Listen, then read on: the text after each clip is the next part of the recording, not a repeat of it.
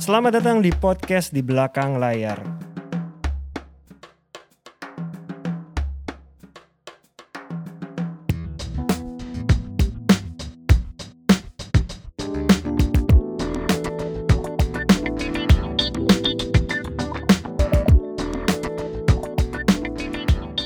Halo teman-teman pendengar podcast di belakang layar.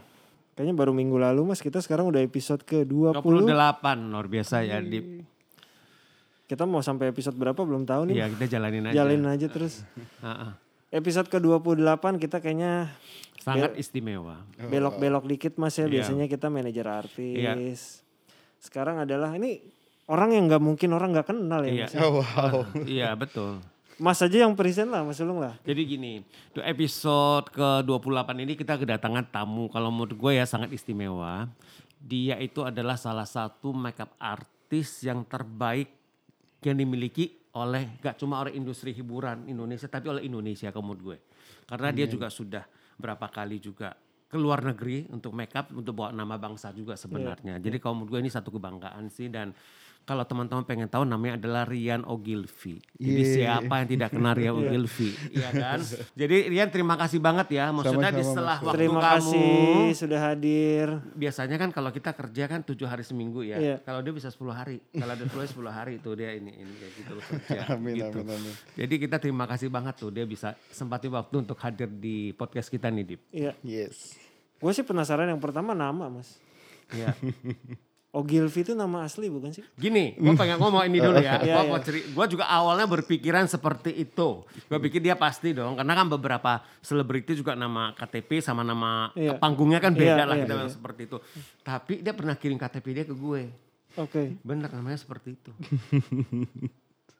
Iya kan Rian kan? Iya, Nah, jadi itu emang dari akte lahir sampai KTP itu namanya Riano Gilvi. Gitu emang asli 100% mas. Orang orang tua lu cukup ini ya, orang tua dia dia cukup orangnya visioner loh. visioner namanya Ogilvy loh. Iya. Keren banget loh. Iya. Berapa banyak orang yang menyangka dengan ketukar sama agensi Ogilvy ya? Kalau di industri ini yang aku temuin semua hampir 90% pasti kalau misalnya di lokasi suka nanya itu nama itu real name lo ya gitu atau itu beneran nama lo atau nama panggung tapi pasti coba lu transfer gue deh pasti yang keluar namanya Riano Gilvi nggak mungkin nama yang lain gitu ya itu emang nama nama dari orang tua sih dari kebetulan emang salah satu keluarga aku tuh dari mama itu emang dari luar Oke. Hmm, oke. Emang Ogilvy itu sebenarnya fam- family name gitu loh. Oke, Kalau misalnya mungkin misalnya ya, misalnya orang Batak gitu namanya Nasution. Iya iya Iya, iya. iya, Itu yang. Ogilvy. Ogilvy, ya. Nah ini Ogilvy. Dari mana? Kakekku tuh Inggris Belanda gitu. Oke. Tapi keluarga yang lain tuh dari mama gitu, jadi dari Kalimantan. Jadi aku ada Dayak, Belanda, Hmm, Banten, lengkap ya. lengkap banget. Kamu gua gini, Dip, yang menarik juga ya. Kenapa waktu itu waktu gua ngomong sama Dipa, Dip, gua pengen deh Rian jadi bintang tamu di podcast kita. Terus ka- lu gua udah langsung setuju kan. Karena kamu gua perjalanan karir dia itu sangat menarik loh. Satu, dia tuh anak daerah. Kamu, ya kan orang daerah, bukan orang bukan. Kalimantan ya? Dari. Pontianak, dari Pontianak. Kemudian sebelum dia jadi makeup artis itu, dia sempat kerja di majalah juga. Tabloid bukan majalah malah ya. Tabloid. Dia kerja di tabloid Oke. sebagai wartawan selama beberapa tahun. Nah, kamu gue itu sangat menarik loh. Karena kan itu dua profesi yang sebenarnya memang sama-sama di industri hiburan. Tapi kan agak bertolak belakang nih. Satu Sangat. wartawan yang lu suka interview orang. Iya iya iya. iya. Satu lagi lu kan ini aja lu bikin orang jadi cantik kan seperti itu kan. Nah, coba lu bisa cerita nggak Rian? Cuman kalau ditarik ke belakang lagi mas Iya. ya, gue sempet nemu Rian ini dari depan layar justru ke belakang layar. Iya. Datang ke Jakarta untuk jadi model kan? Nah, enggak. Jadi sebenarnya gini, aku tuh Nah kita Nah, coba itu. cerita dari Cerita- awal nih, cerita dulu dari datang ke Jakarta nih. Iya. Singkat ya pokoknya gini. Pertama dari awal tuh aku anak daerah yang punya mimpi gitu loh. Pasti semua orang mimpi kayak banyak hal. Sebenarnya mimpinya gampang banget. Aku itu asal muasalnya pengen sampai ke Jakarta itu gara-gara pengen punya handphone kamera. Jadi dulu di sekolah aku tuh ada temanku yang pakai handphone kamera. Kalau dulu ada yang ke Nokia berapa tuh yang pertama kali Oke. ngeluarin kamera? 7650. 7650. Iya, Terus aku pikir kayak kalau aku di Jakarta di Pontianak aja aku nggak bisa kerja.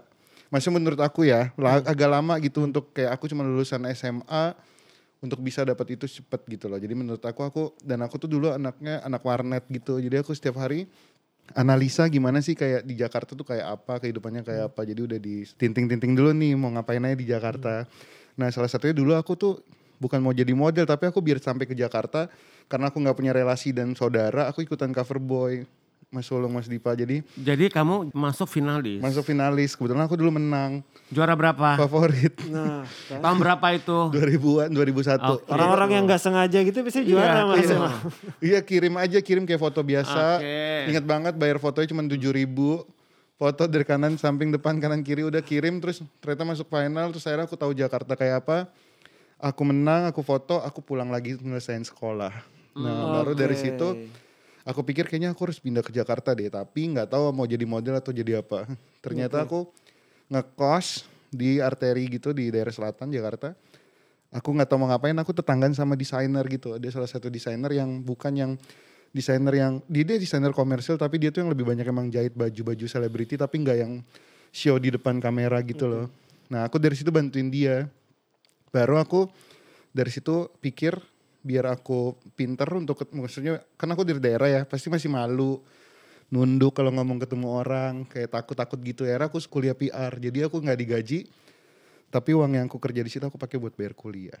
Gitu. Oke. Nah, Nah, dari sana dari sana baru aku eh, ini ini ada cerita lucu nih nah aku kan udah nggak modeling lagi karena aku Iya, pikir aku iya. nggak ngerasa bakat aku di situ ya aku beli berkaitan dengan hubungan yang desainer itu Iya. aku beli satu payet ya kayak Swarovski Iya, itu di iya. Plaza Senayan dulu ada Oke. tuh toko Renda namanya Ah. terus aku pengen makan eh, McD Iya. jadi aku ke food courtnya ternyata di situ ada yang scouting aku gitu ada yang nyamperin Hmm. kayak jadi di situ aku di, ditanyain itu Rabu aku ingat mereka butuh kayaknya butuh talent buat syuting iklan hari Sabtu. Ya udah pas aku di di situ aku ditanyain aku pikir dia kasih kartu nama. Zaman dulu kan tahun 2005 ya itu belum ada ini mas. Belum ada sosial media Iya, belum iya, ada itu. iya. jadi ya udah aku pikir ini bener gak sih? Terus besoknya aku nyamperin ternyata aku di casting aku diterima. Nah aku ik- syuting iklan. Dari syuting iklan itu aku dapat bayaran kan. Nah aku pikir nih uang lumayan besar menurut aku waktu itu buat apa ya? Akhirnya aku mutusin aku harus bisa jadiin sebuah skill gitu loh. Skill karena menurut aku hidup di Jakarta itu kita harus punya skill. Walaupun misalnya aku belum mampu untuk sekolah tinggi gitu jadi aku lebih baik aku pilih yang skill. Jadi pilihannya waktu itu mau jadi fotografer desainer atau jadi makeup artist. Itu tuh pilihan tiga Fotografer, desainer atau atau makeup, artist. artist. karena kalau desainer aku udah punya basic kan temanku kan desainer Oke, udah sering ngeliatin juga. Udah sering ngeliatin, udah tahu gimana bikin pola, gimana sih handle sama tukang jahit dan sebagainya beli bahan di mana. Oke. Tapi ternyata aku pikir kalau aku jadi desainer, aku tuh kayak makan temen gitu loh. Oke. At least, jadi aku cari yang berdampingan sama dia. Nah kalau jadi fotografer modalnya gede banget Mas Sulung, Mas Dipa. Jadi aku akhirnya mutusin Beli untuk alat dulu ya. beli alatnya lebih banyak kan. Akhirnya aku putusin ya udah aku jadi makeup artist. Jadi start di 2005 itu Agustus aku sekolah makeup 25 hari yang course gitu pakai uang dari hasil aku eh, kemarin syuting iklan gitu. Jadi sebenarnya dibalik dari awal aku pindah ke Jakarta itu jadi nggak ada sup- support dari orang tua aku atau keluarga gitu. Jadi, Jadi lu sendiri pokoknya. sendiri all. Jadi aku nggak punya modal apa-apa. Iya. Nggak Nah. ada uang bulanan juga gitu-gitu. Lu kan belajar makeup art, eh, makeup itu 25 hari. Tapi setelah selesai kan lu gak, lu gak langsung jadi makeup artist kan? Kerja dulu di, di tabloid kan? Eh, Enggak, aku sempat kerja di kosmetik dulu. Oke. Oke. Ah. sempat sempat kerja dan aku di, jadi situ jadi head makeup artist Iya. Mas Sulung. Jadi maksudnya aku berani aja. Terus habis gitu baru aku 2007 resign, baru aku kerja di tabloid Hmm. Tabloid apa dong? Sebutin dong. Bintang Indonesia. Oke. Jadi aku Hit zaman itu. Iya, jadi aku waktu itu nemenin temanku lagi foto di situ aku Iya. make upin. Ternyata pas mereka lagi ngobrol-ngobrol mereka lagi buka lowongan. Hmm. Terus aku bilang aku kenapa enggak aku coba aja. Oke. Terus aku coba kirim tulisan, kirim portfolio dan sebagainya gitu-gitu maksud semua. Ternyata aku diterima Mas Sulung. Jadi start 2007 itu makeup artist jadi side job aku, main job aku adalah jurnalis. Sampai tahun berapa? Sampai 2010. Tiga tahun berarti. Full time di Bintang Indonesia. Baru aku 2011 2012 aku freelance di Gramedia. Kantornya di Graha Mandiri. Sebagai, Sebagai? jurnalis. Sama jurnalis juga. Jadi itu dibalik. Makeup artist jadi main job aku, jurnalis jadi side job. Oke. Oke. Tapi baru 2012 aku putusin Full. kayaknya aku nggak boleh dia punya istri dua atau punya pacar dua. Jadi harus pilih salah satu. Baru aku bikin tuh dibuat diri aku sendiri aku bikin kayak SWOT gitu loh Mas Sulung Mas iya. Dipa kayak strength, weakness, opportunity, Iya, iya. threat-nya gitu aku bikin. Ternyata uh, aku lebih interest ke aku kayaknya full time di jadi makeup artist. Nah nggak Itu. salah pilihannya Nggak dia. salah pilihannya ya. Iya, amin. Nah, sebelum kita masuk ke makeup artis, Maca lu kan jadi jurnalis. Berarti lu kan banyak wawancara artis, ya selebriti lah pada waktu itu kan seperti itu. Nah, sebenarnya itu juga satu modal buat dia juga. Iya, karena udah punya hubungan baik. Itu investasi itu dia. investasi sebenarnya kamu. Bener gak sih, Rian? Bener banget Mas Sulung, cuman aku dulu udah berjanji begitu aku pilih profesi ini dua, Iya. aku tuh nggak mau gabungin. Jadi Iya. aku pernah nih satu cerita hari pagi itu aku harus make upin Dewi Sandra Mm-mm. buat cover Femina. Iya. Nah sorenya itu dia ada acara buat satu brand rambut gitu Oke. di daerah kata seperti di Dragonfly itu aku ingat. Jadi paginya aku make upin dia, Iya. Baru sorenya aku interview dia. Sampai dia ngakak kok, lah ngapain tadi pagi kenapa lu nggak interview gue Rian gitu sekalian. Nggak jadi aku emang udah janji nggak mau digabungin karena kalau digabungin nanti jadinya Iya. nggak Nggak profesional. Iya betul. Karena setuju. aku akses sebagai makeup artist tuh bener-bener aksesnya tuh sampai ke daerah pribadinya selebriti, Iya, maksudnya iya, sampai ke belakang iya, panggung. iya. Aku bisa dengar mereka saling cerita berita terbaru yang orang lain nggak tahu, Iya. tuh aku tahu. Tapi aku nggak mau gabungin itu. Hmm, Padahal iya. aku tahu banyak dunia makeup ini, maksudnya di backstage ini banyak banget cerita yang sebenarnya eh, bener-bener rahasia Cer- juga aku iya, bisa cerita tahu. di belakang layar tuh ada di situ semua ya. Wah gila sih kalau misalnya aku gabungin itu sih serem sih mas. Iya, Maksudnya kayak nggak nggak bagus juga jadinya gitu. Aku jadi jadi memanfaatkan situasi ini dong Iya, Mas. iya. buat karirku. Jadi maksud aku biarlah karirnya bisa jalan jalannya berdampingan Iya. gitu bukan kayak dia harus tabrakan-tabrakan Iya. gitu sih lebih itu ke situ. dua mata uang banget mas. Sebagai jurnalis butuh berita. Tapi itu berita semua di Nah, situ. tapi sebagai makeup artis dia harus keep itu semua. Iya, Iya. harus jaga apa namanya Iya. eh, buat aku relationship aku sama klien Iya. gitu. Tapi Jadi itu itu itu satu itu sih kalau menurut gue ya.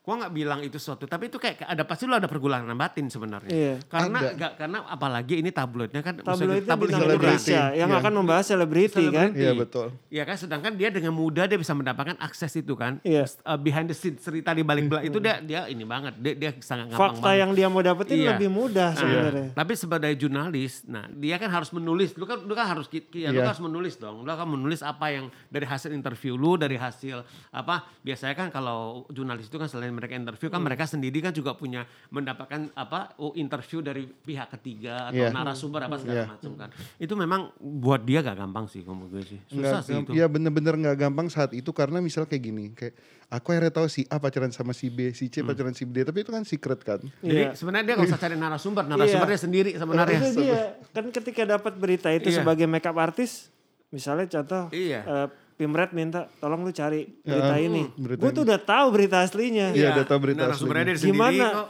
Hmm. Lu, apa yang lu tulis ketika padahal lu tahu, Iya. padahal lu nggak bisa nulis itu. Iya, Itu betul. gimana biasanya? Jadi nanti sudut pandang aku tuh angle-nya nggak ke situ. Jadi aku bikin profilingnya lebih lebih personal tapi profilingnya dia untuk karirnya dia. Jadi kalau menurut aku aku nggak mau aku itu emang memang tabloid itu tentang cerita selebriti ya, tapi aku nggak mau akhirnya dari aku pribadi tuh aku tuh nyerempet-nyerempet ke situ. Jadi aku yang isu yang di luar aja yang aku tarik padahal aku tahu isu aslinya. Oke. Jadi aku misalnya itu aku puter-puter Pada aja. waktu itu lu dikasih tanggung jawab rubrik apa? Aku banyak ngerjain profil Mas Sulung. Oke. Profil terus datang ke apa namanya preskon sama ini loh Mas Sulung kayak premier-premier aku datang Itu aku profil liputan. itu kan itu kan prestis itu karena di- kan itu kan cover kan cover kemudian profil lu nulis kan kayak Iya. gitu. Iya benar. Seru banget. Itu investasi ketika memulai jadi makeup artis semua sudah dimulai duluan. Iya. ya. Udah udah deket sama artisnya duluan. Kemudian menjaga hubungan udah dapet. Iya. Tapi dengan kantor juga menjaga pekerjaannya profesional. Iya. Dua-duanya udah dapet. Jadi begitu dia memutuskan menjadi makeup artist, kalau menurut gue sih dia sudah tidak susah untuk mencari klien Iya. karena misalnya teman-teman artis sudah kenal dia, Hmm. udah ngerti lah karakter kamu seperti apa dari kamu sebagai wartawan, sebagai jurnalis gitu. Jadi udah dia tinggal Iya. tinggal ini aja tinggal jalan aja Iya. benar gak sih? Bener-bener Mas Sulung gitu. Jadi aku juga akhirnya di saat itu begitu aku memutuskan jadi ya, jadi makeup artist full time. Nah di situ tuh orang-orang bilang gini, ngapain sih lu kan udah kuliah susah-susah kuliah PR gitu. Masa Iya. lu udah ngambil kuliah ngapain lu Iya. nggak jadi PR tapi lu malah jadi makeup artist. Mm-mm. Terus jawaban aku cuma gini, justru sekarang aku lagi jadi PR. PR-nya Riano Gilvi as a brand. Hmm. Nice. Jadi otaknya aku sendiri sebenarnya. Maksudnya Riano Gilvi itu brand gitu. Jadi udah nggak perlu cari orang lain. Aku udah tahu sedikit lebih banyak ilmu PR. Aku pakai di situ. Gimana caranya sih Riano Gilvi ini jadi satu brand yang berkembang gitu. Yang nyampe ke orang-orang tuh seperti apa tuh Rian Ogilvy tuh aku yang bikin kemasannya kayak apa. Kan biasanya kan sebuah produk kita harus pikirin packagingnya. Itu semuanya udah aku pikirin. Jadi akhirnya balik lagi aku ilmu PR-nya jadi kepake. Kepake jadinya. Kepake jadi banget. kepake. Terus ilmu fotonya juga aku pakai dari kalau aku ikutan kayak liputan dan sebagainya kan aku juga bawa kamera. Akhirnya aku tahu gimana foto yang angle yang bagus, yang terang, yang semuanya yang gimana. Kalau selebriti itu seneng nih misalnya contoh kecil aja. Kita tanya aja, kamu sukanya angle kanan apa kiri, angle kamu yang mana. Itu dari hal kecil untuk connect ke dia, bonding ke dia kalau dia jadi ngerasa lebih nyaman gitu di sama kita gitu sih sebenarnya. Iya. Gitu. Gue tuh mikirnya Rian kan datang dari Kalimantan ya. Mungkin pasti nggak pernah kepik nggak tahu atau mungkin pernah kepikiran gue kerja di ini dekatnya kan dunia entertainment jadi Iya. dekat juga. Kalau ingat-ingat siapa selebriti pertama yang di make up ingat nggak? Wah inget banget Siapa? aku, inget banget Mas Sulung. Selebriti pertama yang aku make upin. Jadi aku Agustus selesai kuliah make up. Terus di Oktober tuh itu aku kirim surat ke majalah gadis. Kalau aku bilang aku bisa make upin nih, kita berternama atau apa. Terus selebriti dan uh, make up yang pertama kali aku kerjain itu uh, ini menurut aku ini adalah feeling aku ini. Wah ini karir aku kayaknya bakal berkembang nih. Start awalnya bagus. Aku bikin make up untuk Sigi Wimala. Thailand gue. Heeh, Sigwi Mala, gadis sampul yang menang, yang Iya. keren banget. Buat edisi spesial ulang tahun gadis yang ke-30. Terus di setnya tuh dibikin kayak banyak shiny, banyak props, banyak apa. Itu aku pertama kali itu terus aku udah merasa punya feeling nih. Wah kayaknya gini bercandanya bahasa bahasa bahasa awal lagi. Wow karir gue kayak bakal berkilau nih. Ini ini start awal yang sangat bagus. Jadi aku based on feeling itu tuh aku harus yang itu kan hal yang positif ya. Kenapa enggak? Aku simpan di hati. Jadi mungkin sampai ke bawah sampai sekarang kayak ngerjainnya kayak gitu. Itu Sigi mas. Dan Sigi Sigi, kan orang yang baik banget yang Iya. kayak nggak rewel nggak Iya, ribet. Gak neko-neko. dan aku bilang Sigi eh, aku kasih tau kamu aku beneran baru lulus sekolah makeup. Jadi kalau misalnya ada hal yang kurang atau apa please let me know atau lu apa. Nggak Sigi bilang gue open sama lo terserah lo Rian mau kayak gimana gitu. Dan dia nggak komplain dan itu aku berarti wah seneng banget. Jadi aku dipercaya gitu loh. Untuk seorang ukuran anak baru yang baru dua Iya. bulan hitungannya gitu. Dimulai dari Sigi dan Dari mulai akhirnya segi. lanjut ke another seluruh, selebriti atau sampai Ibu Iriana pun sudah termasuk ya. ya amin amin amin amin. Nah ada satu yang menarik juga. Kamu gua ini benar gak sih? Maksudnya kamu kan udah berapa tahun ke uh, ke New York Fashion Week? New York Fashion Week dari 2016 sampai ke sebelum pandemik 2019. Tiga Empat- tahun berarti. empat- empat Empat tahun ya. Kamu satu-satunya makeup artist Indonesia yang dipilih. Iya betul mas. Gimana Betul. ceritanya lu bisa dipilih untuk kemudian uh, make upin para supermodel di mana di New York Fashion Oke, Week? jadi gini dari begitu ini aku balik ke dari 2012 dulu ya. 2012 itu begitu aku full time jadi makeup artist itu ada satu brand yang ngelirik aku brand kecantikan gitu, brand beauty, brand pelembab gitu. Jadi aku join sama mereka, aku sign sama mereka. Itu setahun Mas Sulung. Baru abis itu itu pancingan awal. Baru aku 2014-nya aku masuk ke brand makeup, brand makeup New York. Ya oke. Nah, dari situlah perkenalan aku mulai sampai ke New York gitu. 2014, 2015, baru 2016 mereka minta aku untuk kirim resume gitu ke New York. Lu butuh waktu uh, berapa lama? Akhirnya mereka bilang oke. Tiga tahun, tapi waktu itu mereka belum belum sama sekali belum lirik kita ya. Makanya 2016 itu mereka lihat aku terus mereka suruh kirim resume gitu Mas Sulung. Jadi aku bikin Mas Dipa, aku bikin nggak cuman makanya nggak bukan based on aku punya website, aku punya portfolio yang ada di sosial media gitu, tapi aku bikin resume baru buat dikirim ke US gitu. Itu yang pertama kali aku lakuin baru dari situ mereka lihat, mereka kirim ke desainer kira-kira ada yang approve nggak nih? Maksudnya kira-kira ada yang pilih nggak? Kayak milih model gitu loh, Iya, iya, modelnya iya, iya. disebar, terus dipilih, terus ternyata banyak desainer yang, maksudnya ada beberapa yang pilih portfolio aku, akhirnya aku lebih dari tiga berangkat ke New York, gitu. Lu pertama kali dapat kabar itu gimana perasaan lu? Bangun pagi aku baru dikabarin, bangun tidur aku pikir bohongan, terus aku tidur lagi terus bangun, oh ya itu tadi beneran ya, segitu dong. Dengan perbedaan jam ya biasanya kita Iya. pagi-pagi baru baca tuh. iya kan, ya dia kan kita pagi dia masih sore kan. Iya. Nah waktu itu supermodel pertama lu make upin siapa? Aku itu dapat eh, aku masuk ke show-nya Rebecca Minkoff. Ah, itu aku inget namanya Alain Alana apa siapa. Ternyata bisa aku make up terus aku foto-foto terus tuh sorenya aku di Times Square foto dia Benetton gede banget di Times Square. Terus nanti dia Victoria's Secret Angel ternyata apa. Jadi aku nggak tahu. Aku waktu itu kurang kurang tahu tentang pengetahuan supermodel. Ada perasaan grogi gak sih waktu make upin mereka? Iya. Lebih ke terharu sih Mas Sulung. Lebih ke gini loh, pas aku tau nggak yang notice banget. Aku tuh jadi maksudnya dari perjalanan dari Jakarta ke New York sendirian. Aku sendirian gak ada yang Nggak, nemenin. nggak ada bawa tim bahkan ya? Nggak ada, nggak boleh. boleh. Nggak boleh. Masih nggak boleh. Jadi satu-satu. Jadi semua negara tuh satu-satu Oke. gitu. Aku nggak notice nih, aku nih ada di New York Fashion Week gitu. Sampai aku ingat waktu itu masih nyaman Snapchat. Aku keluar hotel, masuk Uber, terus ayah aku beli kopi dulu di samping, terus aku masuk mobil, terus aku selfie, terus aku nulis nih di Snapchat, anjir on the way ke New York Fashion Week, On the- berangkat kerja hari Senin ke New York Fashion Week gitu. Itu yang aku pikirin kayak, wow gila ini keren banget dari situ Mas Lung. Terus aku kayak, ya udah kayak kirim message ke mama kayak "Eh, ini pertama kali aku mau kerja jadi please doain gitu. Ya udah. Kayak gitu jadi nggak ada nggak ada nervous sih Mas Sulung karena menurut aku aku percaya sama skill yang aku punya mereka udah pilih aku berarti itu udah bener Iya. gitu udah sa- udah udah di ini nih udah di jalurnya nih on track nih jadi aku pokoknya aku bangga sama diri aku sendiri udah itu doang sih dari situ gitu Oke. Gue ada cerita tuh di sebentar lagi gue balik ke Hmm. New York Fashion Week ya. 2019 ya, kalau salah itu kan Juli berangkat juga tuh, Juli Estelle kan Oke, ke sana, Kate Spade kalau nggak Iya, salah. Spade. Eh, Dia diundang untuk show Kate Spade. Nah, pas Rian ada di sana, kita juga udah, udah agak ini juga, aduh pakai makeup artis siapa ya? Dia ada di sana. Akhirnya gue sama Rian kita tektokan. Iya. Jadi gue masih ingat banget kita pagi-pagi. Jadi pagi-pagi sebelum dia make upin para supermodel itu, dia datang dulu ke hotel, make upin Juli dulu, dia baru pergi. Iya kan? iya iya gitu, Kayak gitu. rezeki banget tuh Mas Rezeki pas banget lagi di sana jodoh Jodoh. Hmm. Ini kan runtutan kerjanya Rian tuh udah Hmm. sampai akhirnya nemuin pekerjaan profesi yang di dicintain lah Iya, akhirnya ya. iya. Penasarannya adalah pernah kerja di kosmetik, Hmm. sempat jadi cover boy, tiba-tiba jadi media dan akhirnya jadi makeup artist. Orang tua pernah ada Orang tua aku kebetulan nggak ada isu sama apa yang aku kerjain ya. Mereka juga membebaskan. membebaskan. Jadi makanya kan aku bilang aku pindah ke Jakarta aja sebenarnya dari keluarga tuh bilang oke lu pindah tapi kita nggak bisa support apa-apa ya. Lo mandiri aja Iya pokoknya. mandiri aja sampai kalau beneran aku nyerah terus pulang ke Pontianak cuma tinggal di Pontianak aja gitu loh. Oke.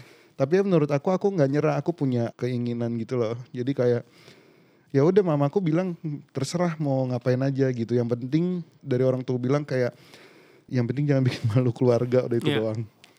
Udah that's it itu doang sampai ya makanya kita loncat lagi sampai ke buat orang daerah, anak daerah maksudnya kayak sampai make upin ibu nomor satu di negara kita ibu Iriana Hmm. itu menurut aku udah bikin bangga, Itu gimana bangga ceritanya orang, juga sih? bangga orang tua aku Gimana sih ceritanya Itu sih pas dihubungin? pas pelantikan ya? dari pelantikan dari apa kayak apa sih sebelum pelantikan itu mas kayak kampanye bukan kampanye apa sih yang mereka mereka di hotel gitu Oh, Oke oke oke. Debat nggak? Dah, dari debat. Dari Dari debat. debat. Dari debat.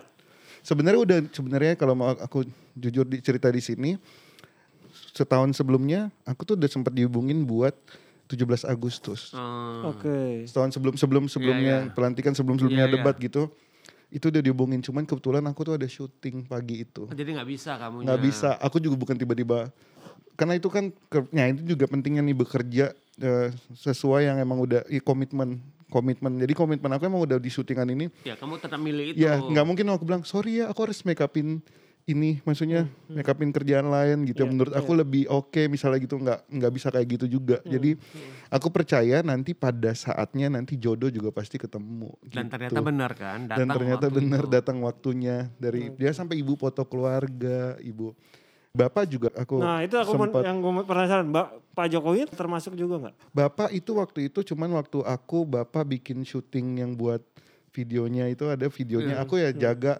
buat penampilannya bapak di kamera aja buat Hmm. ngecek semuanya misalnya kan kalau cowok tuh kadang kulitnya mengkilat Iya, atau iya, apa iya. ya aku jagain di situ gitu satu kehormatan juga sih bagi aku kayak make upin ibu dan bapak Hmm, gitu Grogi nggak sih? grogi sih lebih ya pasti ya Mas Sulung Iya soalnya sih. kan kayak ke orang-orang kan kayak wah ini ternyata ibu dan bapak tuh baik banget gitu kayaknya tuh mereka santai mereka eh, kayak serahin aja kan kalau ibu manggilku serahin aja bu ada request tertentu nggak makeupnya nggak ada aku manut aja sama Kak Rian gitu kalau kata ibu Hmm, Oke. gitu jadi akunya juga nggak nervous gitu lah Ya karena udah dibikin nyaman. Iya. ya Iya. nah dari situ ya udah itu salah satu bentuk yang aku kasih ke orang tuaku maksudnya kan bangga kan Iya. Iyalah. maksudnya untuk terlalu dipikirkan dulu kita bisa sampai istana tuh kalau kita kerjanya apa akademinya apa gitu, Iya. ternyata untuk profesi sebagai Makeup penata artist, rias penata sebagai makeup artist. Juga bisa. Bisa. juga bisa sampai sana karena aku pernah tulis di Instagram. Karena aku ingat waktu di SMP tuh aku pernah ditanya eh guys eh, cita-cita kalian apa semuanya? Ada yang Iya, pengen iya. jadi ya dulu kan pengen jadi guru dokter pilot gitu-gitu kan Hmm, insinyur iya. gitu. Aku nggak bilang aku bilang aku nggak aku nggak tahu mau cita-citanya apa tapi yang penting aku mungkin aku gedenya aku yang penting aku bisa sampai ke rumah orang nomor satu di Indonesia Bener. aku sampai ke istana negara gitu dan ternyata itu kejadian jadi aku nggak tahu mungkin saat itu pas ngucap kayak udah kayak mungkin itu kayak kepikiran yang pikir kita kayak gitu-gitu jadi kayak nggak tahu aku sampai aja mas. Ulung ke istana negara dengan profesi sebagai penata rias gitu Kalau make upin kepala negara dijagain pas pampres gak sih? dijagain lah. pasti kan masih presti mereka ada Iya. protokolnya gitu kayak maksudnya pasti ada lah Iya, gitu Iya, iya, iya. Iya, iya. gitu Gue ada pertanyaan pribadi sih mas, gue Boleh. tanya. Jadi kebanyakan tuh kalau namanya kita ngomongin makeup tuh kan pasti perempuan ya. Iya. Kalau menurut Rian ya, kenapa perempuan lebih mostly banyak yang memilih di makeup dibanding laki-laki? Kalau menurut dari sisi Rian. karena gini ya kalau misalnya kayak aku pribadi aku laki-laki ya Hmm. aku juga nggak suka di make upin Oke. apa kayak gerah lah apalah maksudnya kayak nggak betah juga duduk di Iya. situ dan stigma orang kan memang kalau bedak makeup itu semua kan yang dipakai buat cewek Iya. sebenarnya sebenarnya tapi kalau menurut aku sekarang cowok harusnya memang lebih aware sama yang namanya skincare sih Oke. aku sebagai makeup makeup artist makeup expert akan infoin ke cowok untuk pentingnya pakai sunblock Oke. terus kalau mereka buat kebutuhan misalnya emang buat photoshoot kan kalau daily kan mereka nggak Iya. nggak juga Iya, buat iya, itu iya, iya. gitu nah sebenarnya makeup itu kan kalau cewek adalah sebenarnya bagi aku ya pribadi makeup tuh pelengkap dari kalau kita pakai baju yang bagus sepatu yang bagus tapi kalau muka kita nggak fresh gitu Iya, iya. itu juga nggak keren gitu nah kalau cowok kan yang penting tau nggak apa kalau cowok biasanya yang paling nomor satu dibanding makeup wax rambut Rambut, iya Iya. pasti. lebih ke situ jadi Iya, kadang iya. cowok sih kalau menurut aku lebih eh, nomor satunya bagi mereka hairdresser baru Iya. nomor duanya makeup kalau cewek harus imbang makeup dan rambut Iya, makeup gitu. dan rambut. Pasti aja juga orang suka bertanya, kenapa sih banyak banget profesi makeup artist yang cowok, yang maksudnya yang, yang Iya, sebagai makeup setuju. artist cowok. Iya, Kenapa betul. cewek Iya, jarang? kenapa? Maksudnya Hmm. gini, kalau ini analisa aku pribadi ya Mas Dipa dan Mas Sulung, karena kalau misalnya gini, ini menurut aku ya kalau aku nih sebagai cowok, visi aku untuk ngelihat cewek itu lebih luas. Jadi as a personality, misalnya si A gitu, oh dia nih kayak gini, dia akan cocok dengan warna ini, dengan makeup seperti ini. Si B dengan begini. Tapi ada si C kayak gini. Nah mungkin kalau cewek kadang memandangnya si cewek lawan si, si ceweknya ini bisa mendandanin seperti diri dia sendiri. Hmm. Oke. Jadi misal dia suka warna ungu atau warna pink, dia pakein ke cewek itu pink. Padahal belum tentu cocok sama Iya. karakternya. Tapi ini belum tentu bener juga, ini cuma analisa aku ya. Tapi misalnya. menarik sih analisa dia Iya, itu iya, sih. iya. Ya bisa jadi kayak gitu seperti Iya. itu dan kebetulan kalau cewek kan kita kan makeup artist ini mobile, terus bawaannya Hmm. juga banyak dan sebagainya. Kalau cewek kan mungkin dia lebih terbatas secara misalnya bawa barang yang banyak. Oke. Terus mungkin dia lagi harus punya keluarga, harus Iya, mikirin iya. nih nggak mungkin kerja dari kayak aku yang pagi sampai malam gitu Hmm. syutingan atau apa. Jadi mungkin ya mereka ada beberapa yang kayak itu, tapi juga banyak sih makeup artist cewek yang keren kalau menurut aku gitu. Banyak juga yang berhasil gitu. Rian tadi sempat bahas kerja dari pagi sampai malam. Misalnya aktor, ya namanya ngerjain film ya sehari cuma satu. Iya. Kalau band mungkin sehari bisa dua, bisa, tiga. Bisa, masih bisa. Nge-MC bisa sehari dua atau Dua tiga. lah ya. Kalau makeup artist sehari bisa berapa kali? Iya betul. Aku sebenarnya kalau dari pengalaman aku pribadi itu bisa beberapa iklan beberapa tempat dalam satu hari. Tapi yang penting kita komunikasiin dulu sama klien. Jadi emang kita harus deal-deal secara waktu juga. Oke. Kalau aku kebetulan bisa misalnya pagi aku ada makeup, terus aku bisa deal sama klien, aku tinggalin standby tim ya. Hmm. Aku bisa loncat ke tempat yang satu Oh, lagi. Jadi make upin udah beres, tim ditinggal. tinggal. Jadi lo maksimal sehari bisa berapa? Pernah paling banyak ada paling berapa? banyak berapa? Pernah paling banyak itu ya maksudnya rata-rata ya. Iya. Kayak bulan lalu tuh aku pernah ada sehari tiga TVC satu photoshoot komersil. Empat, tit- empat titik berarti Empat ya. titik. Empat titik. Empat titik. ya. Dengan jam waktunya emang kebetulan memang masih bisa ditolerir Jadi dari gitu. pagi sampai malam udah pasti itu ya. Udah sampai malam. Terus orang nanya, kapan sih lu istirahatnya kalau lu Nah, syuting iya. mulu gitu. Hmm. Yang pasti aku tidur cukup. Aku orang jenis yang harus tidur cukup mas. Oke. Jadi aku Oke. dan orang yang tidur awal jam 10 jam 11 kalau sampai rumah aku langsung tidur. Masa mandi tidur. Sama. Dan bangun tuh aku nggak mungkin lebih dari jam 7 pagi. Iya. Itu Oke. paling telat tuh jam 7, jam 6. Nah, kalau di lokasi ya aku manfaatin kalau lagi break ya aku Tidur. tidur. Oke. Atau di mobil. Dan kebetulan aku dapat berkah, menurut aku ini berkah.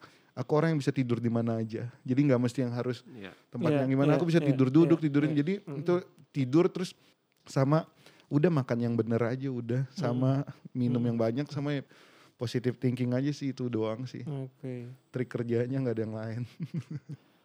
Kalau dalam milih job, Rian, apa sih yang bikin Rian menerima job atau menolak job mungkin? Selain selain karena waktu ya. Iya. Ya menolak job yang pasti benar selain wa- waktu yang Eh, selain pertama. sama waktu sama budget maksud lagi mas. Iya, selain waktu Iya. dan budget. Heeh. Waktunya masuk, budgetnya masuk, tapi nggak mau diterima karena apa biasanya? Karena bentar nggak mau diterima karena mungkin biasanya aku nggak nyaman sama yang apa yang akan aku Oke. kerjain gitu. Kayak misalnya aku satu contoh ya mas, Hmm. Eh, kayak sebutlah kan orang kan taunya makeup art makeupku kan natural. Jadi makeup itu tuh emang aku emang dari dulu bikinnya flawless, natural, yang fresh gitu. Tapi misal sat- satu waktu kerjaan itu menuntut aku untuk bikin eh, nggak di track makeup aku, aku ngerasa aku juga bilang aku nggak bakal mampu sampai segitu. Karena aku pernah di posisi ini aku sambil cerita ya. Hmm. Aku tuh make upin terus hari itu si kliennya ekspektasinya beda gitu. Ekspektasinya yang seperti yang digambarnya itu bener. Aku juga nggak bakal produk yang aku pakai nggak bakal achieve looknya. Oke. Terus aku tanya sama dia, ini siapa yang make upin ibu kemarin yang ini gitu. Ini ada make up artistnya kebetulan ada di sini. Maksudnya aku secara gentle aku nyamperin make up artistnya. Kamu ada waktu nggak untuk bikin make up seperti ini? Karena dia maunya kayak gini. Ini aku nggak bakal achieve. Aku pamit, aku pulang baik-baik. Itu yang udah pernah terjadi di lokasi kayak Oke. gitu. Gitu jadi aku fair gitu loh untuk bilang aku nggak bisa gitu. Jadi bukan berarti aku as makeup artist dan makeup expert gitu untuk biar untuk bisa memenuhi semua uh, Keinginan kemauan ya. kemauan Iya. sama klien. Tapi kan mereka harusnya sebenarnya ya, harusnya mereka pas booking aku udah tahu looknya akan Iya, sejauh iya. apa sih gitu. Bukan cuman Iya. karena gini makeup artist tuh juga aku nggak bilang berkategori ya. Cuman kalau misalnya itu kelihatan kan dari jenis portfolionya gitu. Iya, Nah, betul. kayak produk makeup aja ya mas. Dari satu foundation aja ke foundation yang lain tuh formulanya bisa beda dan hasilnya bisa beda. Nah kebetulan aku jenis orang yang pakai foundation yang eh, grade yang yang bagian ini kelompok yang A misalnya kelompok kelompok B gitu. Jadi aku nggak mungkin bisa nyampe ke kelompok yang B plus nih ininya jenis bahannya gitu-gitu. Jadi aku untuk bilang aku nggak mampu tuh juga bisa kayak gitu gitu. Oke. Jadi aku milih kerjaan juga sesuai dengan nah kebetulan sekarang aku tuh orang udah milih aku kerjaannya karena mereka tahu aku biasa ngerjain komersil. Jadi yang datang ke aku komersil semua. Seperti yang memang dari awal aku strategiin memang target aku untuk jadi makeup artist. Pekerjaan aku di komersil makeup gitu. Oke. Oke. Hmm. Eh, Rian, kalau gua kan lu udah achievement yang lu capai itu kan banyak banget ya. Maksudnya sudah lah, maksudnya apa yang yang lu pengen ternyata kejadian gitu. Iya. Dan enggak semua makeup artist mendapatkan privilege seperti kamu. Next goalsnya apa?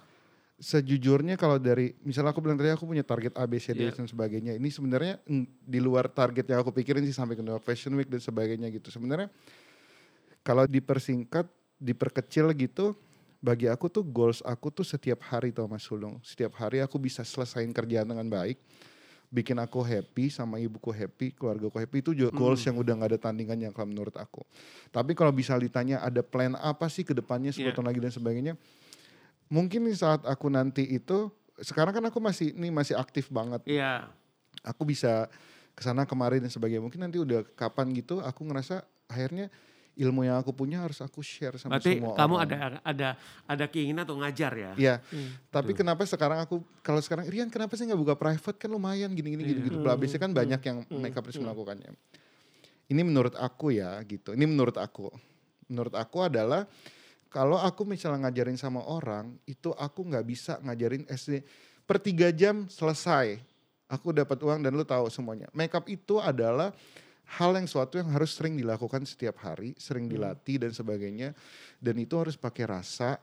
Itu nggak bisa cuma pakai eyeshadow ungu, eyeshadow pink, eyeshadow hijau gitu. Nggak si A bajunya hijau, eyeshadownya hijau, baju si B nggak tentang itu. Jadi kalau aku mau ngajar, aku mau mereka bisa ketemu aku setiap hari bisa kasih waktu seminggu berapa kali untuk ketemu berapa jam untuk kita bareng-bareng nyobain jadi kenapa nggak mau ngajar karena kayak gitu aku sekarang masih belum punya waktu untuk ngasih ke orang lain berbagi ilmu yang aku punya gitu. Jadi secara singkat ya kayak sekarang misal beauty class online aku ngasih yang basic aja yang kira-kira bisa dimengerti gitu. Lebih yang ke situ sih Mas. Long mungkin nanti ke depannya mungkin aku bisa buka akademi misalnya Iya. gitu. Lebih yang ke situ sih. Tapi maksudnya aku full time di situ Mas Long berarti kalau aku udah sampai ke buka akademi Iya. aku udah nggak mau kerjaan lagi Iya, sampai di itu. luar Iya, iya, gitu. Lebih ke situ. Jadi aku bisa kasih semuanya ke mereka. Iya.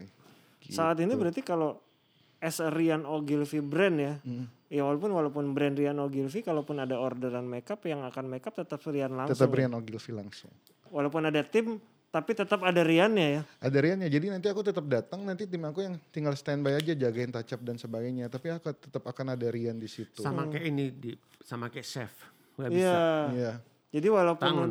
walaupun Skill chef itu. udah jadi brand, jadi perusahaan, yang turun tetap Rian bukan Harus, bukan nggak bisa. bukan timnya. ya. Nggak bisa. tetap aku pasti tetap akan muncul Iya. gitu di situ atau start awalnya tetap Iya. aku yang masuk Timnya hanya cuma touch up aja. Bener touch up nggak? misalnya berminyak atau Ya, kayak gitu. Sama hilang bener-benerin gitu kayak itu. Iya. Bener, gitu tetap aku ada di Iya. situ Pernah pengen break sesaat gitu gak sih? enggak Kapan terakhir libur lama? Enggak, enggak ada. Ya maksudnya kalau libur lama ya aku sambil kerja sambil liburan Iya. juga. Jadi aku anggap gitu. aku nggak pernah ngerasa. Sama kayak manajer. Ya, Iya. aku nggak pernah, Mas Dipa, aku tuh nggak pernah ngerasa aku bosen Hmm. sama aku bete sama pekerjaan ini. Iya. Karena ini memang yang aku pilih dari awal, Iya. yang aku memang, yang aku mau.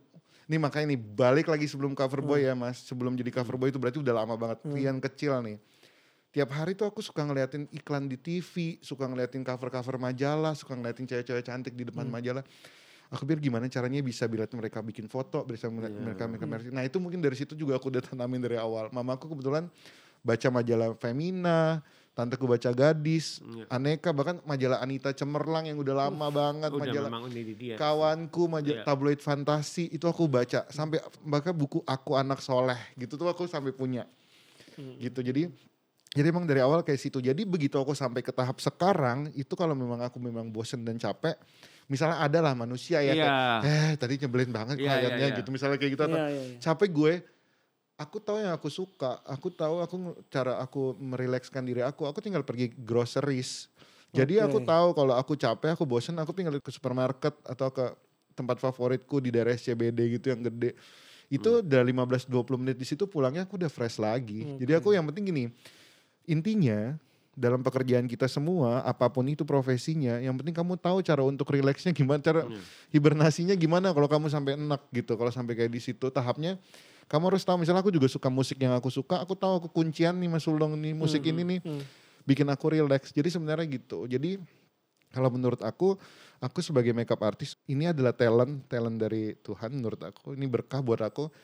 Aku harus manfaatin sebaik-baiknya gitu kakak Kayaknya emang Rian ini pensiunnya masih lama mas. Iya, masih, masih, Masih panjang masih perjalanan. panjang, masih panjang Amin, banget. amin, amin. Sebelum nanti punya sekolah Rian Ogilvy Iya. pasti. Tapi gue yakin pasti akan kejadian sih. Karena gue kenal Dian juga udah lumayan lama kan. Iya.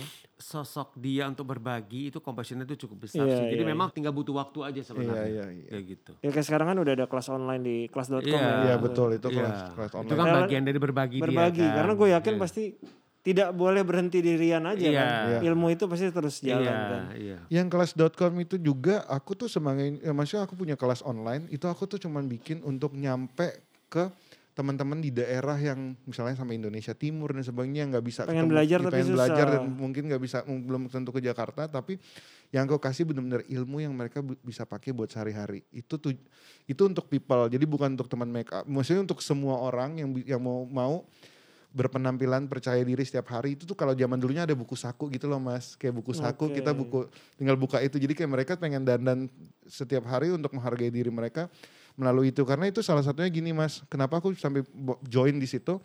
Aku pernah ke satu daerah terus aku lihat di supermarket mbak mbak kasirnya tuh dandannya tebel banget. Aku bilang mbak itu blasonnya nggak kekencengan gitu. Beneran diomongin. beneran terus mbak bilang aku lihat di YouTube kak tutorial ini gitu jadi kayak gini katanya ini namanya ini blush on panas dalam gitu. Oh gitu.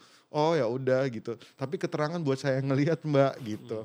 Ya udah dari situ aku kasih nih kelas.com biar mereka menurut aku ya menurut aku ini dandan yang benar. Aku as a makeup artist as makeup expert gitu buat kamu berpenampilan sehari-hari. Hmm. ke situ terus aku join sama misalnya masuk ke beauty vlogger bikin YouTube. Aku kasih edukasi ke di situ biar mereka nyampe ke mereka mungkin belum tentu mereka yang buka Instagramku atau mereka lihat itu kan aku juga nggak Instagram kan cuma ya semenit gitu-gitu Iya, iya. ya sekarang mungkin ada IGTV cuman tuh orang buka IGTV lebih ya, effort gitu nggak Iya, semua orang iya. tertarik untuk buka lebih lama jadi ya aku bikin kelas ya, kelas online aku seperti itu untuk tujuannya sebenarnya ke arah situ gitu Oke. Pertanyaan terakhir dari gue mas, selama pandemi ini kita kan termasuk yang kena dampak ya. Makeup artist kena dampak gak sih? Hmm. Eh, Karena kan ini kalau gue simpel gini, gue inget kita talent-talent gue yang yang eh, mau, mau syuting gitu ya. Salah satunya kayak besok bawa alat sendiri jadinya semua. Jadi main Iya. talent bawa sendiri, supporting bawa sendiri. Karena alat-alat itu kan berhubungan saling Iya, bersentuhan. Nah, gue pertanyaan apakah makeup artist kena juga dengan keadaan kayak gini? kalau dari segi pekerjaan kebetulan misalnya memang mungkin jadi berkurangnya itu ada beberapa persennya. Kita flashback ke Maret tahun lalu itu kan benar-benar kayak kita masih buta banget. Kita kan benar dikasih tahu untuk ya jangan keluar sampai lo nggak bisa sentuhan dan sebagainya. Iya, Even iya, kita iya. di rumah pun nggak boleh terlalu dekat dan sebagainya. Hmm. Tapi lama-lama kelamaan kan kita juga kayak aku akhirnya beraniin keluar rumah. Tapi kan maksudnya waktu itu udah ada kayak tes, Iya, iya. ada yang namanya rapid apa semua. Jadi aku based on itu aja gitu. Dan memang dikasih tahu kan untuk kayak diedukasi untuk mematuhi 3M gitu. Kita kan cuci tangan, Hmm. pakai masker itu aku lakuin semuanya. Akhirnya sebenarnya sempet berhenti di Maret April tapi selanjutnya udah ada kerjaan Oh, lagi sih oke, mas sampai oke, sekarang. Tapi oke.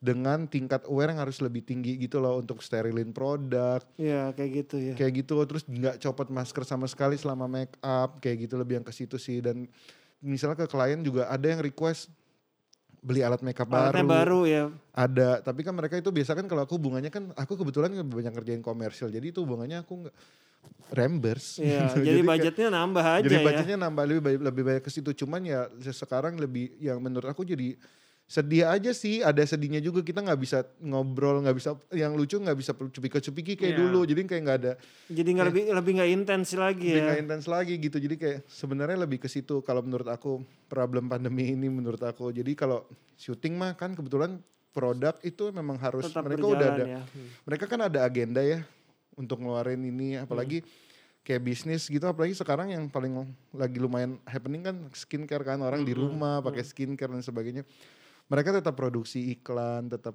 itu semua. Dan mereka juga di lokasi itu benar-benar yang semua orang di swab da- terus di di lokasi disediain semuanya. Dan tetap misalnya agak deket diteriakin "Ini jangan gabung-gabung. Jangan itu masih masih ada yang kayak gitu mas. Dan kebetulan ya eh, perbedaannya adalah sebagai makeup artist sekarang hampir setiap hari kita di swab Iya. dari sebutlah yang namanya dari yang namanya antigen sampai PCR Iya, kayak iya. misalnya kalau mau bilang kemarin aku udah di lokasi ada misalnya di lokasi sediain antigen terus besok aku akan antigen lusa PCR udah melalui hal-hal itu memang situ udah kejadian yang memang normalnya udah harus kita lakukan. Iya itu ya. kayak start awal kayak Iya. breakfastnya gitu Iya. gitu. Jadi kalau dulu breakfast ngeliatnya prasmanan, terus yang ke, sekarang ya breakfastnya swap Iya. gitu. Cuman aku ya masalah akhirnya ngomong prasmanan yang aku sedih ya pandemik ini ya kita nggak bisa. bisa makan sama-sama Iya. kayak Iya, dulu. iya, dulu iya. kan buffet seru banget. Sekarang nggak bisa. aku juga suka mikirin kru tau mas kayak kasihan gitu loh maksudnya kayak menurut aku ya kalau aku misalnya di ruangan suka masih ada makanannya banyak gitu terus kita bisa nambah kalau misalnya Iya. kayak kru gitu-gitu kan dikasih nasi box dan nasi cuma bulat dan mereka kan biasa bisa kalau prasmanan mereka bisa nasi, ambil nasi yang lebih Iya. banyak Iya, iya. jadi sekarang mungkin kayak sesitu ya sedih aja sih nggak bisa Iya. ada prasmanan itu yang aku pikirin cuma gitu doang terus pandemi sih sebenarnya enak enaknya apa tau nggak jalanan nggak macet jadi Oh. ke mana-mana dekat Oke, gue sih berharap ya insya Allah semua mulai kembali normal. Ya, mudah-mudahan. Perlahan, perlahan pekerjaan Iya, di amin. Rian juga mulai mulai berdatangan dan dan Amin, mulai amin. lebih intens makeupnya lagi. iya betul mas amin Terima kasih Rian Sama-sama, Ogilvy Mas sudah. Terima kasih untuk waktunya So, Rian. iya, Kami sama. senang sekali. Ya, semoga semua yang tadi di-share ada yang bisa diambil buat Pasti. Ah, pasti. banyak banget, pasti banyak banget ini. Mengajarkan teman-teman di Pontianak untuk datang ke Jakarta Iya. juga mungkin. Iya. Teman-teman di daerah lainnya Daerah lain juga untuk sama. Daerah lain juga semangat ah gua ke Jakarta Iya. mau, mau meneruskan. Jakarta keras sih, tapi kalau kamu tahu polanya itu nggak sekeras Iya. itu juga. Iya, tuh. Terima kasih banyak. Sama-sama, Sehat-sehat, semoga Iya. kerjaannya lancar. Amin. Teman-teman pendengar podcast di belakang layar, terima kasih. Kita ketemu lagi. Di episode ke-29. Siap. Dan terima kasih kepada Gala Gala Event Event Management. Terima kasih buat Mas Eka di audio. Iya. Semoga semua pekerjaan berjalan lancar teman-teman. Jangan lupa protokol kesehatan tetap dijalankan. Amin. Terima kasih. Terima kasih. Sampai Terima bertemu. kasih. Dadah. Dadah.